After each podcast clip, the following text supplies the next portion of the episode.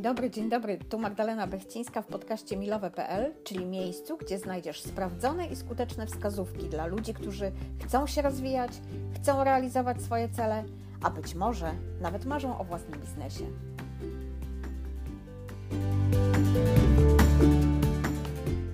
O kobiecej intuicji krążą już całe legendy. I bardzo dobrze, natomiast dzisiaj zastanówmy się, skąd w ogóle ta intuicja się bierze i czy tak naprawdę można na niej w 100% polegać. Myślę, że to wszystko zależy od tego, jakie mamy doświadczenie w danym temacie, i ona będzie na tyle skuteczna, na ile masz e, wypracowane doświadczenie i wiedzę z danego obszaru. I wtedy ta intuicja będzie faktycznie wartościowa. To jest ta nasza taka mm, wewnętrzna zdolność wykorzystywania połączenia i doświadczenia, i wiedzy, jaką posiadamy. I w momencie, kiedy połączymy to wszystko z uczuciami, to wychodzi taka informacja zwrotna, które da, która daje nam to takie uczucie pewności, tego takiego przeczucia, że wiemy, jak powinniśmy się zachować. I zwykle ono jest bardzo prawidłowe i nie wolno go lekceważyć, bo czasami staramy się racjonalizować i wtedy wychodzimy na tym jak zabłocki na mydle, ponieważ lekceważymy te takie drobne sygnały, gdzie nie jesteśmy w stanie przeanalizować tego w sposób świadomy, że coś może pójść nie tak, albo coś może pójść bardzo dobrze. Natomiast nasz mózg działa jak taka wielka baza danych, w których wyszukuje nam odpowiednie do danej sytuacji e, informacje i porównuje je cały czas. I to są takie niuanse, na które naprawdę nie zwraca się uwagi. A to, że ktoś ma krzywy nos, a to, że używa takich, a nie innych wyrazów, a to, że sytuacja jest taka, a pada deszcz, a jest taki, a nie inny dzień. Są miliony danych.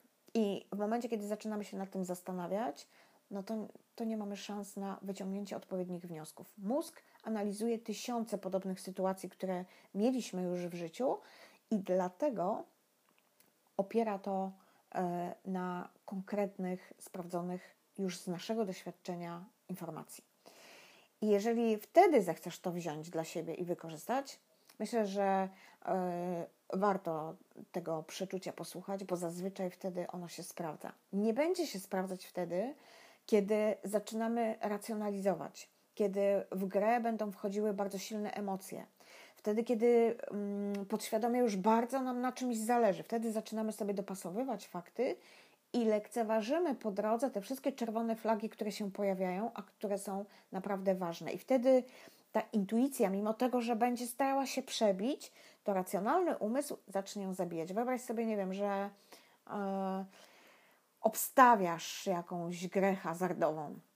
No i raz wygrywasz, drugi raz wygrywasz. I za trzecim razem już sobie myślisz, dobra, tak, teraz już, teraz to już wiem, co robić, już wszystko wiem na ten temat, będzie ok. Masz doświadczenie, masz emocje, ale z drugiej strony rozum ci mówi, hej, wiesz, że to się nie sprawdza i zagłuszasz to. Więc wtedy lepiej zdecydowanie słuchać intuicji, ponieważ nie od dziś wiadomo, że kiedy emocje idą w górę, to inteligencja natychmiast nam opada. I wtedy jednak lepiej się oprzeć na tym takim e, racjonalnym umyśle. Natomiast pamiętaj, że to pierwsze odczucie, pierwsze, jakie tylko się pojawia, jest dla Ciebie bardzo, bardzo, bardzo cenną informacją i myślę, że warto ją tylko zweryfikować, czy faktycznie w tym temacie mam e, duże doświadczenie, czy mam dużą wiedzę, czy warto temu zaufać i za tym pójść.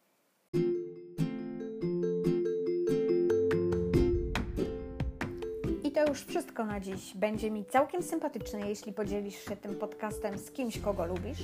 Możesz też zrobić screen i zamieścić w mediach społecznościowych z oznaczeniem profilu Lubię Planować, a tymczasem dziękuję za dziś, dziękuję, że jesteś i do odsłuchania przy kolejnym podcaście.